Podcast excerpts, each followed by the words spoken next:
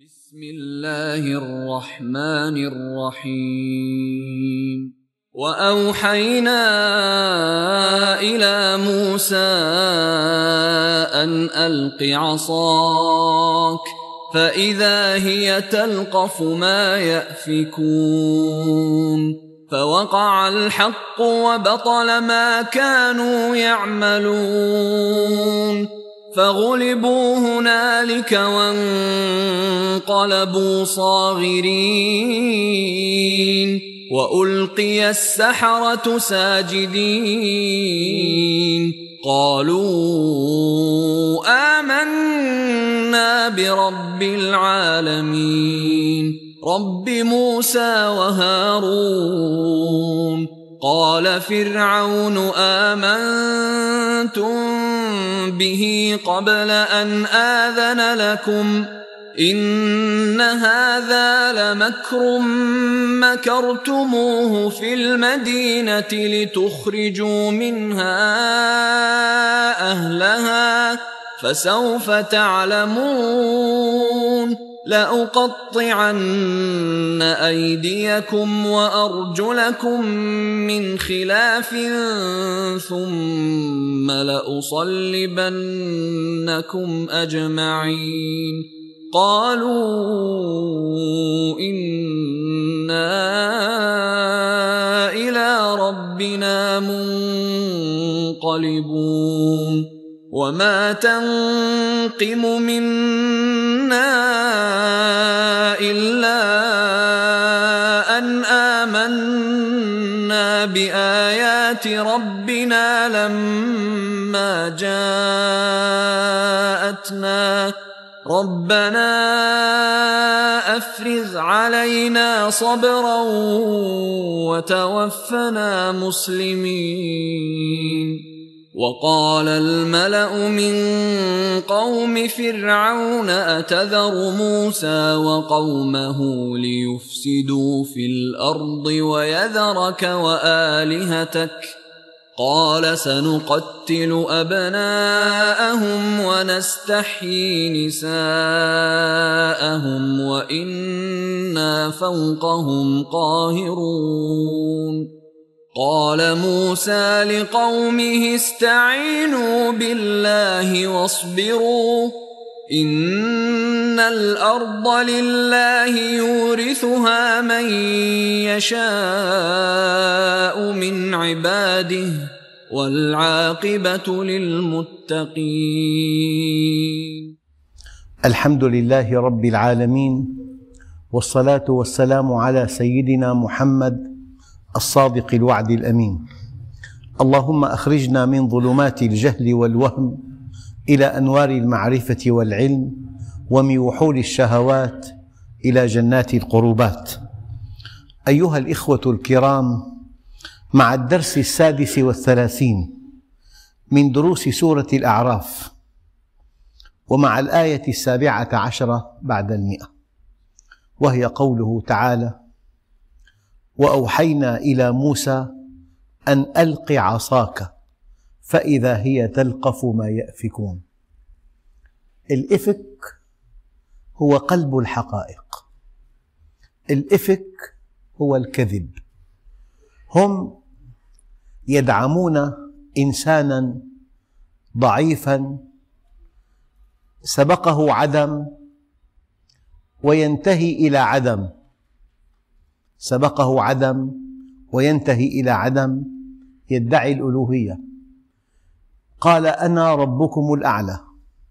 وقال ما علمت لكم من إله غيري.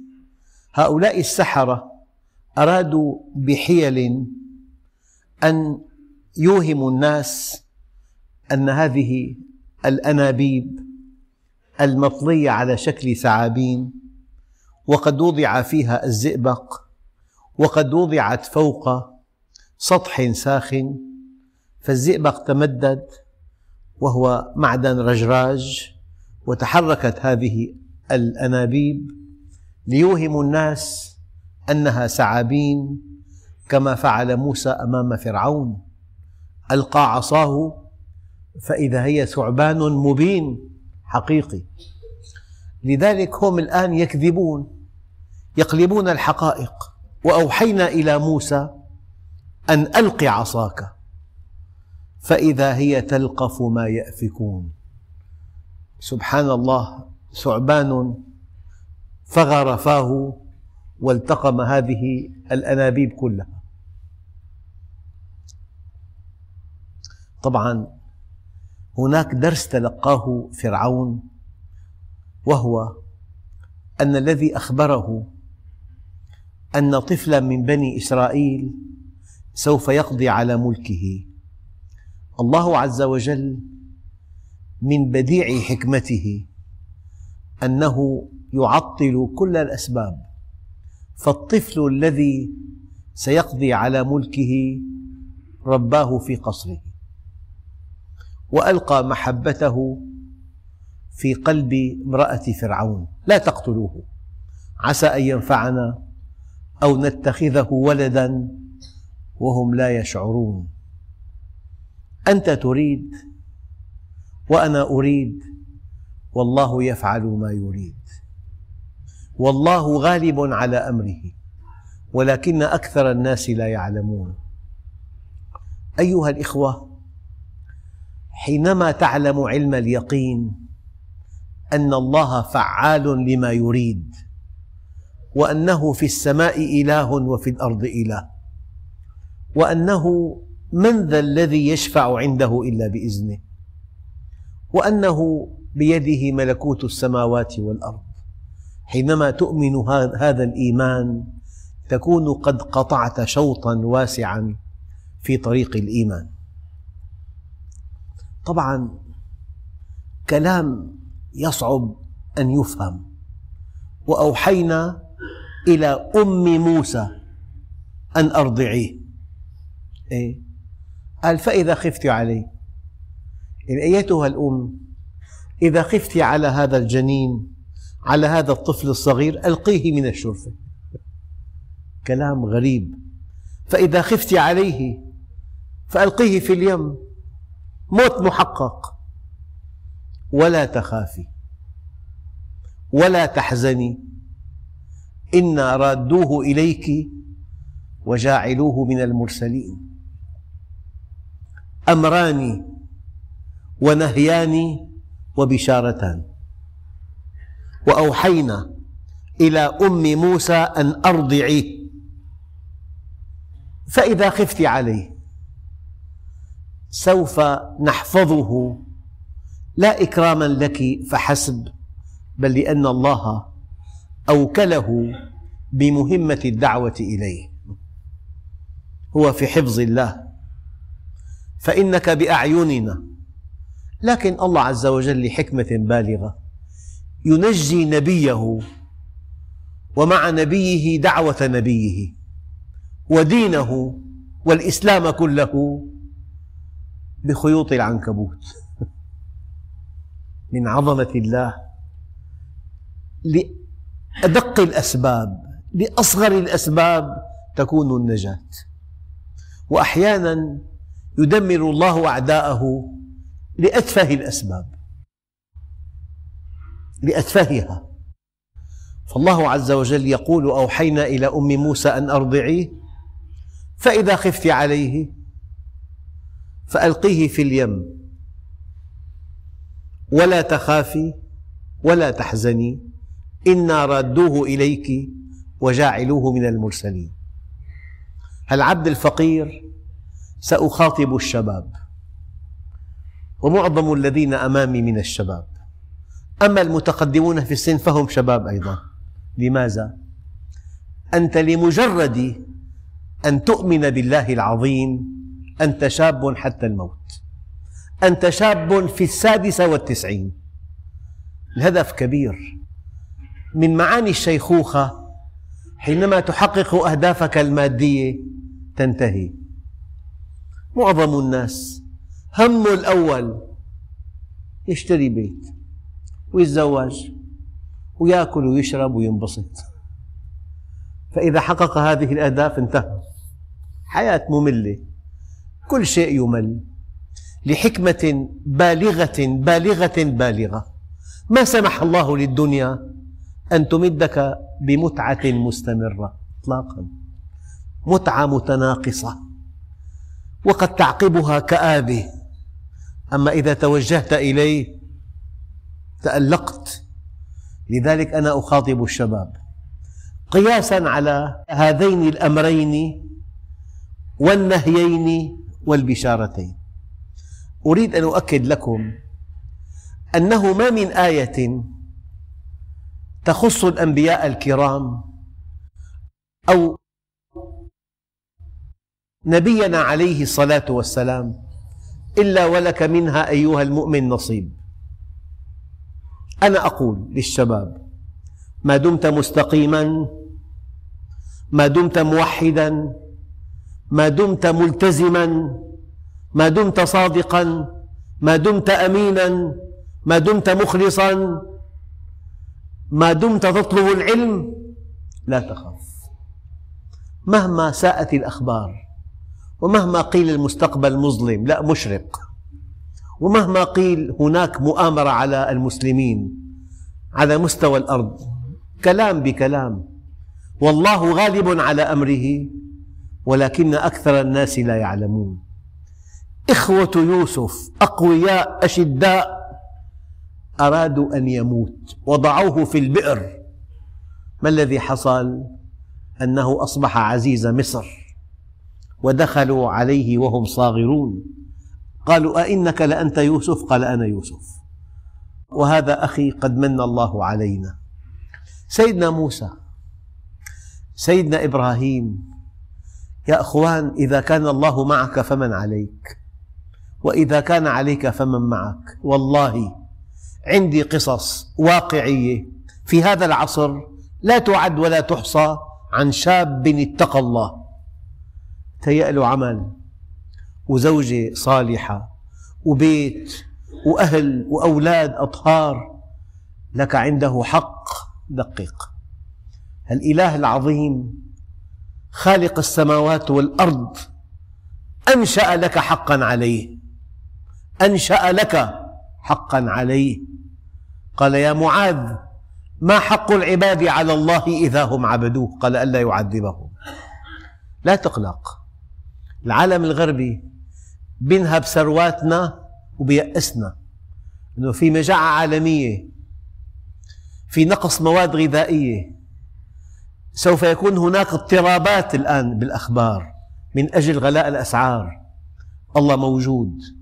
أنا أدعوكم للكسب. وللأخذ بالأسباب لكن لا تسمح لإنسان بعيد عن الله أن يوقعك في اليأس. لك عنده حق. والله مرة دخل لبيتي إنسان وقال كلمة والله أعرفها وأرددها مئات المرات لكنني بكيت منها. قدمت له قطعة جاتو. أخذ لقمة أولى منها ووضعها في فمه وقال سبحان من قسم لنا هذا ولا ينسى من فضله أحدا. ما بينساك. وأنت أيتها الفتاة المؤمنة المحجبة الطاهرة. لا ينساك الله. إياك أن تتوهمي أن التفلت أحد أسباب زواجه أبدا. تزوجي مع التفلت بس بيجي زوج يريك النجوم ظهرا أما الحجاب والإستقامة والعمل الصالح وأن تتعرفي إلى الله. الله عز وجل يقول ولمن خاف مقام ربه جنتان. جنة في الدنيا وجنة في الآخرة رغم أنف التهديدات بالحصار وبالحرب وبالضغط هي كلها تهديدات. والله غالب على أمره ولكن أكثر الناس لا يعلمون. أقول هذا الكلام أنه في الآن حالة إحباط عند المسلمين. العالم كله يهاجمهم. العالم كله يهددهم. يعني ذئب التقى مع حمل بحمام. حمام في بلاط وماء قال له عم تغبر علي. قال له تعال كلني وخلصني. تهديدات وادعاءات. علاقتنا بالله والذي خلقنا لا يسلمنا إلى أحد لأنه إلهنا وربنا. دقق في هذه الآية.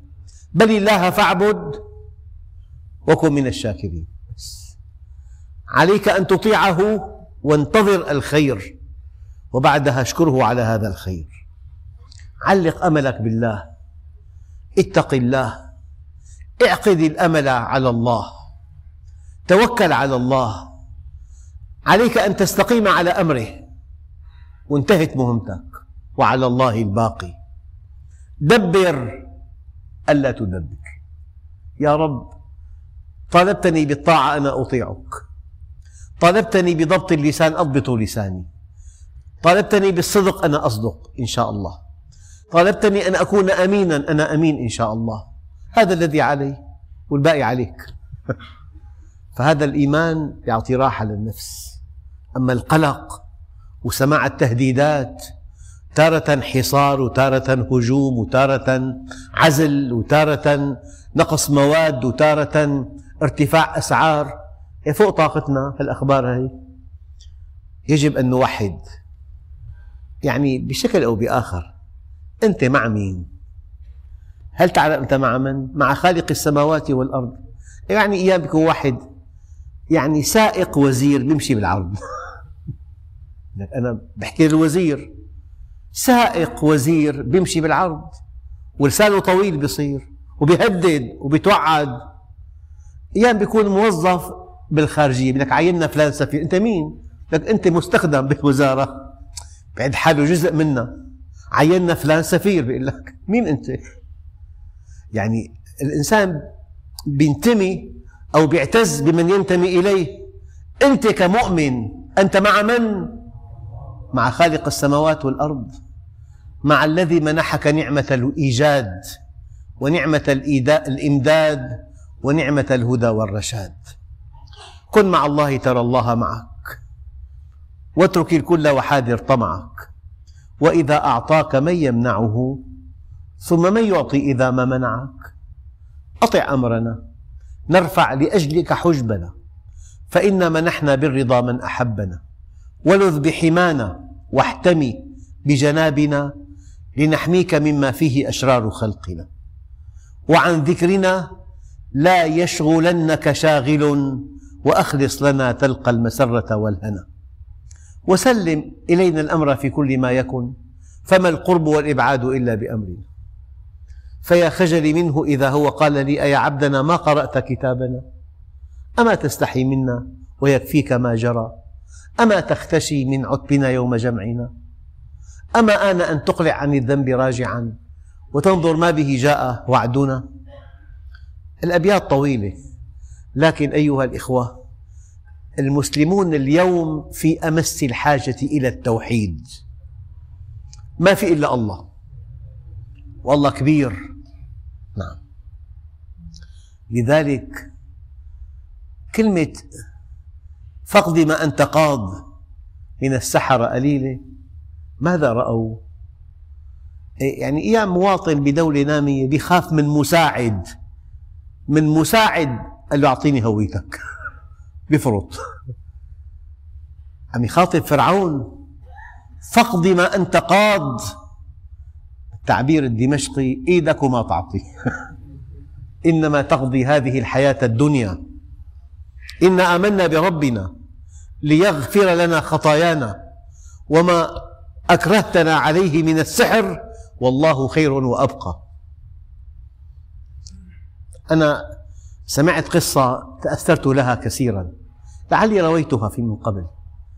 لما ذهبت تركيا أعطوني كتاب قرأته فيه قصة مؤثرة تماما. عالم جليل من العلماء الورعين الأتقياء العاملين المخلصين ألف كتاب صغير أو كتيب عن حرمة التشبه بغير المؤمنين. أخذ الكتاب موافقة على التأليف وموافقة على الطبع وموافقة على النشر. كمال أتاتورك منع اللباس الإسلامي كليا وأمر باللباس الغربي حتى القبعة أمر بها. فإذا في الأسواق هذا الكتيب الذي يحرم تقليد الأجانب أخذ أودع في السجن. هذا العالم معه منطق معه حجة. أنا ألفت الكتاب سابقا والكتاب مرخص في التأليف والطبع والنشر والتداول أين الذنب؟ بدأ يكتب مذكرة راوي القصة صديقه بالسجن أنه كتب 80 صفحة ومعه أدلة قوية أين الذنب؟ نحن بالعالم كله ممنوع أن تعمل القوانين بمفعول رجعي كتاب قديم مؤلف سابقا في تراخيص طيب أين الذنب؟ بيقول هذا رفيقه بالسجن في أحد الأيام استيقظ هذا الإنسان بحال عجيب بحال من السرور والإشراق وجهه متهلل يكاد يرقص من الفرح. قال له ما القصة؟ صديقه قال له رأيت رسول الله في النوم. وقال لي أنت ضيفنا غدا. أمسك الورقة الأوراق ممزقة 80 صفحة. ما عندي فيها حاجة. طبعا ثاني يوم شنق. أعدم لكن شوف الحقيقة شوف الظاهر. يعني هدول السحرة قتلوا ثاني يوم. قتلهم فرعون. بس إلى أين؟ ولئن متم أو قتلتم لإلى الله تحشرون. ورحمة ربك خير مما يجمعون. المشكلة الناس المقصرون يرون الموت أكبر مصيبة.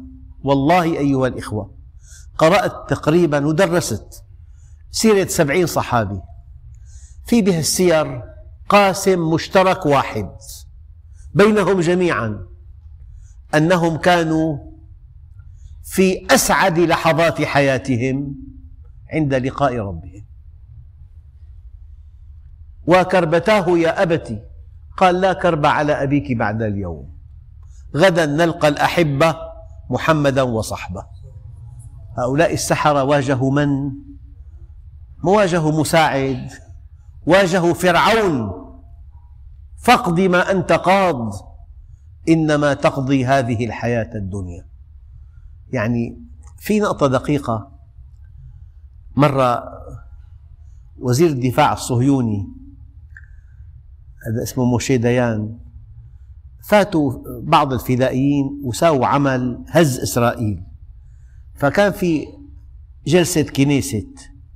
فالنواب تهجموا على هذا الوزير أنه أين عملك؟ أين جيشك؟ أين كذا؟ قال لهم كلمة رائعة. قال أنا أقصى ما أملك أن أهدد الإنسان بالموت بأن أقتله. فإذا جاء ليموت ماذا أفعل به؟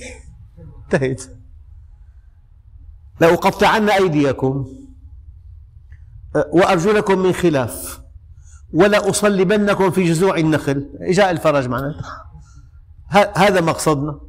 إنا آمنا بربنا ليغفر لنا خطايانا وما أكرهتنا عليه من السحر والله خير وأبقى. الإنسان حينما يزهد في الدنيا يكون قويا جدا وحينما يعلق أمله بالآخرة يصبح إنسانا فذا. أيها الإخوة لما سيدنا موسى قال أنا رسول الله هي نسبة كلامية نسبة كلامية. تقول محمد مجتهد. مجتهد خبر محمد مبتدأ. نسبة كلامية نصية. أما إذا ذهبت إلى مدرسته وسألت عن علاماته وكان الأول صار في نسبة أخرى واقعية. فسيدنا موسى قال أنا رسول الله. فلما ألقى عصاه فإذا هي ثعبان مبين وهذا الثعبان أكل كل سحر السحرة وأنابيب الثعابين المتوهمة. طبعا فرعون عرف أنه إنسان آخر فز مو إنسان طبيعي. يعني هو بيروي قصة في واحد يعمل عتال على حمار الحمار مات أصبح بلا دخل إطلاقا. هو ذكي جدا فخطر في باله فكرة جهنمية. عمر أربع حيطان وقبة خضراء وسمى الحمار اسم ولي شيخ زنقي سماه. عمل قبة وعمل نافذة وفيها شرطيط وكم شمعة. وإجوا الناس تباركوا بها الولي. وقدموا الذبائح وقدموا الدجاج وتلك السمن. هذا عاش ببحبوحة تفوق حد الخيال. أنا أقول هل هناك قوة في الأرض يمكن أن تقنعه أن الذي مدفون تحت هذه القبة حمار؟ هو دافنه بإيده. بل قناعته أنه حمار أكبر من من يحاوره. لكن المنتفع لا يناقش. المنتفع لا يناقش. والقوي لا يناقش. والغبي لا يناقش. وقد يجتمعون في واحد. ففرعون عرفان حاله هو إنسان عادي وبيمرض. مرة سمعت أنه طبيب الميكادو الذي يدعي الألوهية أسلم. إيه معه بجسمه خمسين علة طلع. هو إله وين الإله؟ كل إنسان بيعرف, بيعرف نفسه. بل الإنسان على نفسه بصيرة ولو ألقى معاذيره. فلذلك تطابق عند السحرة دعوى هذا الإنسان العظيم مع الواقع. هي مو قضية سحر. ثعبان حقيقي أكل كل حبالهم وعصيهم ما الذي حصل؟ قال فوقع الحق وبطل ما كانوا يعملون. طبعا باني فرعون أوهم الناس أنه إله وهو ربهم الأعلى وليس له من إله غيره. هذا الوهم تضعضع. الوهم تضعضع. وقع الحق وبطل ما كانوا يعملون. لذلك أقوى شيء في الدين أن يكون الدين واقعيا. هلأ الآن يقول لك مثاليات أحلام خيالات صح. أما إذا إنسان ركل بقدمه الملايين المملينة وقبل بدخل محدود لكنه نظيف وعايش معك هذا أقوى من مليون محاضرة. دائما الواقع أقوى من الفكر النظري. أنا ليش بحتفل بالقصص القصة حقيقة مع البرهان عليها. حقيقة بس مع برهان. بل أحتفل بقصة معاصرة. بالذات لماذا؟ هذا الذي يعيش معنا يتحمل الضغوط التي نتحملها واقع تحت قوة الإغراءات التي نقع تحتها. يستمع إلى الأخبار التي نستمع إليها. ومع ذلك وضع الدنيا تحت قدمه. أنا بقول لك أكبر قصة مؤثرة إنسان يعيش معنا. واتقى الله. وركل بقدمه الدنيا من أجل الدين فملك الدنيا والدين معا. لذلك اعمل لوجه واحد يكفك الوجوه كلها. ومن جعل الهموم هما واحدا كفاه الله الهموم كلها. وقع الحق. والآن أيها الإخوة أنا أسقط هذه القصة على واقعنا. الحق الآن ظاهر. إذا في قبل خمسين سنة حق ناصع لونه أبيض وباطل داكن لونه أسود وفي مساحة كبيرة جدا بينهما لون رمادي شيء بيحير حق مع باطل باطل مع حق بنسب متفاوتة. الآن في عنا ظاهرة جديدة في عنا حق أو باطل وما عاد في لون رمادي. يا إنسان ولي يا إباحي. يا أكبر محسن يا أكبر مجرم.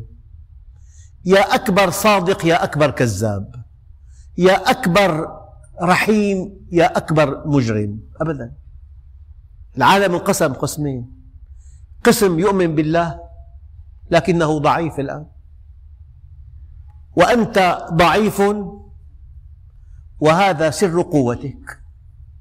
والقسم الآخر قوي جدا معه تسعين بالمئة من ثروات الأرض معه الإعلام معه المال معه كل شيء.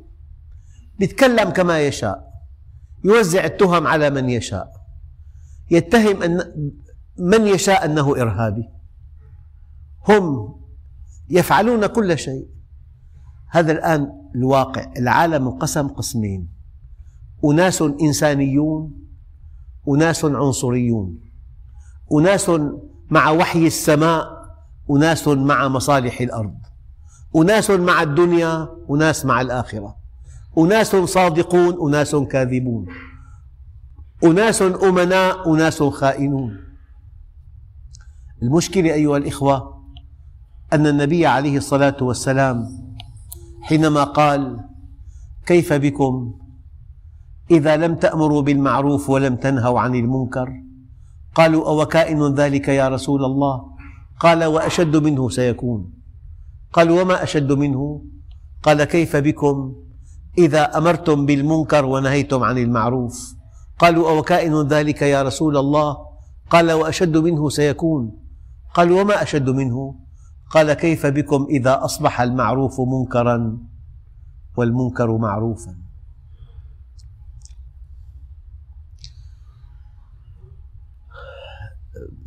فرعون صغير. دعواه أنه رب الناس ربهم الأعلى وما من إله غيره. أن السحرة ماذا قالوا؟ فوقع الحق وقع. فغلبوا هنالك وانقلبوا صاغرين. ودائما المؤمن قوي والآخر ضعيف وصغير. طبعا سيدنا موسى ما غلب السحرة غلب من يدعم السحرة فرعون. فرعون أمامه. وفي رواية وردت أن الثعبان بعد أن أكل كل ما أمامه من أنابيب ومن عصي ومن حبال توجه نحو فرعون وفغر فاه أمامه. انقطع قلب فرعون. وين أنا ربكم الأعلى؟ هذا الشاعر المشهور الذي ادعى النبوة المتنبي. قال الخيل والليل والبيداء تعرفني والسيف والرمح والقرطاس والقلم. في طريقه من البصرة لحلب لحقوا عدو أم هرب منه؟ أم قال له غلامه ويحك ألم تقل الخيل والليل؟ قال له قتلتني قتلك الله. وعاد فقاتل حتى قتل. يعني الادعاء سهل. أنا ربكم الأعلى. انقطع قلبه من الثعبان فغلبوا هنالك وانقلبوا صاغرين. لا إله إلا الله. وألقي السحرة ساجدين. دقق في كلمة ألقي ألقي. كأن شيئا دفعهم نحو الأرض. ما هذا الشيء؟ قال بعض المحللين إنها دهشتهم. هم سحرة. هذا مو سحر هذا هذا رسول. هذا رسول. ليس ساحرا. انبهروا. هؤلاء السحرة انبهروا. مو قضية سحر رسول هذا. هذا فعل إله فعل الخالق. طيب دعك من هذا الاستثناء دعك من خرق العادات. هذا الكون. ألا توقن أن وراءه في إله عظيم؟ الشمس قليلة. عمرها خمسة آلاف مليون سنة. وقال ستبقى كمان خمسة آلاف مليون. اطمئنوا ما في مشكلة للشمس خمسة آلاف مليون قادمة. لسان الله بطوله مليون كيلومتر. القمر قليل. الليل والنهار. البحار. الأسماك الأطيار. النبات الطعام الشراب الهواء. هي آيات. الحقيقة كلما تقدم الإنسان الكون بوضعه الراهن أكبر معجزة. أما قديما الذي يظن معجزة هو خرق النواميس والقوانين. الكون بوضعه الراهن أكبر معجزة. ألقي السحرة ساجدين من ألقاهم؟ انبهارهم. قالوا آمنا برب العالمين. عفوا. يقول فرعون يعني أنا. شو قال فرعون؟ أنا ربكم الأعلى. حتى ما يتوهم أنهم آمنوا به. قال آمنا برب العالمين رب موسى. لو موسى فقط أنا ربيته. لا رب موسى وهارون يعني مو أنت. كلام دقيق جدا. آمنا برب العالمين رب موسى وهارون. الآن الاتهامات. قال فرعون آمنتم به قبل أن آذن لكم إن هذا لمكر مكرتموه في المدينة لتخرجوا منها أهلها فسوف تعلمون. ماذا عنده فرعون؟ قال لأقطعن أيديكم وأرجلكم من خلاف. شيء صعب جدا. يد يمين رجل يسار. ثم لأصلبنكم أجمعين. قالوا هذا مقصدنا. إنا إلى ربنا منقلبون. ولئن متم أو قتلتم لإلى الله تحشرون. ورحمة ربك خير مما يجمعون. وما تنقم منا. ما الذنب الذي ارتكبناه؟ إلا أن آمنا بآيات ربنا لما جاءتنا. فلان ذنبه يقول لك إيه صادق. هذا اسمه باللغة تأكيد المدح بما يشبه الذم ولا عيب فيهم غير أن سيوفهم بهن فلول من قراع الكتائب. فلان بخيل إلا أنه إيه لئيم. هذا تأكيد الذم بما يشبه المديح. أنا أفصح العرب قال النبي عن نفسه. قال بيد أني إيه؟ من قريش. يا قريش أفصح قبيلة. تأكيد المدح بما يشبه الذم أسلوب بلاغي قرآني. قال وما تنقم منا؟ إلا أن آمنا بآيات ربنا لما جاءتنا. ربنا أفرغ علينا صبرا وتوفنا مسلمين. أخواننا الكرام في كلمة بدأت الحرب بالإنسان ثم أصبحت بين آلتين ثم بين عقلين ثم انتهت بالإنسان. في كلمة قال مسؤول كبير في دولة كبرى هي قطب العالم اليوم. قال ماذا نفعل بحاملات الطائرات والصواريخ العابرة للقارات؟ لا تجرؤ دولة في العالم أن تحاربنا. ولكن ماذا نفعل بهذا الإنسان الذي أراد أن يموت وأن يهز كياننا؟ ما له حل هذا. يعني كل ما يملك فرعون على السحرة أنه سيقتلهم. فإذا قتلوا إلى رحمة الله. أعددت لعبادي الصالحين ما لا عين رأت ولا أذن سمعت ولا خطر على قلب بشر. قل هل تربصون بنا إلا إحدى الحسنيين؟ إما الشهادة أو النصر. وكلاهما شيء رائع جدا. يعني المؤمن أحد أسباب قوته أنه مؤمن بالآخرة. مؤمن بحياة أبدية مؤمن بجنة عرضها السماوات والأرض أعدها الله له. آماله ليست في الدنيا في الآخرة. هذا أحد أكبر أسباب قوته. في مرة حاكم تتري أراد أن يذل العلماء فجاء بلحم خنزير أمام ملأ كبير وجمع الناس وأمرهم أن يأكلوا منه. كل واحد على هوى قوة إيمانه وضعف إيمانه أنه مضطر و... أكثرهم أكلوا. إلا أكبر عالم رفض أن يأكل.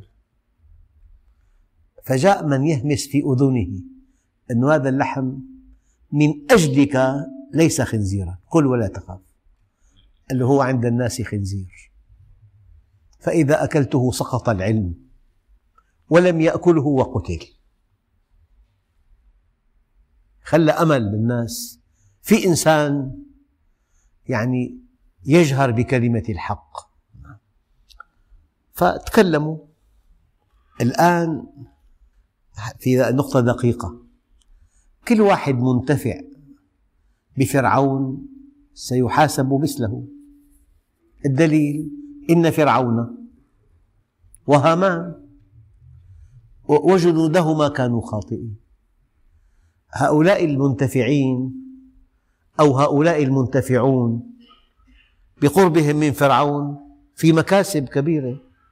فإذا ظهر الحق أنه ليس إلها ضاعت مكاسبهم. لذلك وقال الملأ من قوم فرعون أتذر موسى وقومه ليفسدوا في الأرض ويذرك وآلهتك هم استفزوه. القوي معه جماعة معه من حوله. هؤلاء جميعا منتفعون وسيحاسبون طبعا. وقال الملأ من قوم فرعون أتذر موسى وقومه ليفسدوا في الأرض ويذرك وآلهتك؟ قال سنقتل أبناءهم ونستحيي نساءهم وإنا فوقهم قاهرون يطمئنهم.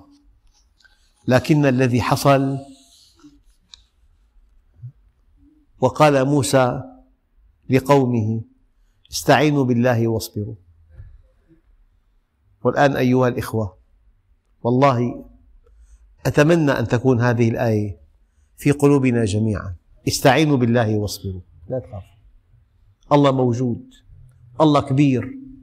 بيده كل شيء ولا يتخلى عن المؤمنين لكن يؤدبنا. نحن معنا التهاب معدة حاد. الأمل بالشفاء كبير جدا. أما الطرف الآخر معه ورم خبيث منتشر. قال له كل ما شئت. أما نحن في علينا تشديد كبير جدا. كل شدة وراءها شدة إلى الله وكل محنة وراءها منحة من الله. قال موسى لقومه استعينوا بالله واصبروا إن الأرض لله يورثها من يشاء من عباده والعاقبة للمتقين. هؤلاء صناديد قريش الأقوياء الأغنياء الغارقون في شرب الخمر وأكل الربا الذين أرادوا قتل النبي وأخرجوا النبي الكريم. مين تبع النبي؟ الضعاف الشباب الصغار الفقراء. بتقول سيدنا بلال الآن سيدنا بلال بتقول بتقول أبو لهب لعنه الله. أليس كذلك؟ تبت يدا أبي لهب وتب. في مقاييس عند الله ثابتة. كن مع الله ترى الله معك. كن مع الله ولا تخف. أيها الإخوة الآن في عنا حالة صعبة جدا. هي أنه التفسير التوحيدي للمصائب غير مقبول. وإذا ذكر الله وحده اشمأزت قلوب الذين لا يؤمنون بالآخرة. وإن يشرك به يؤمنوا.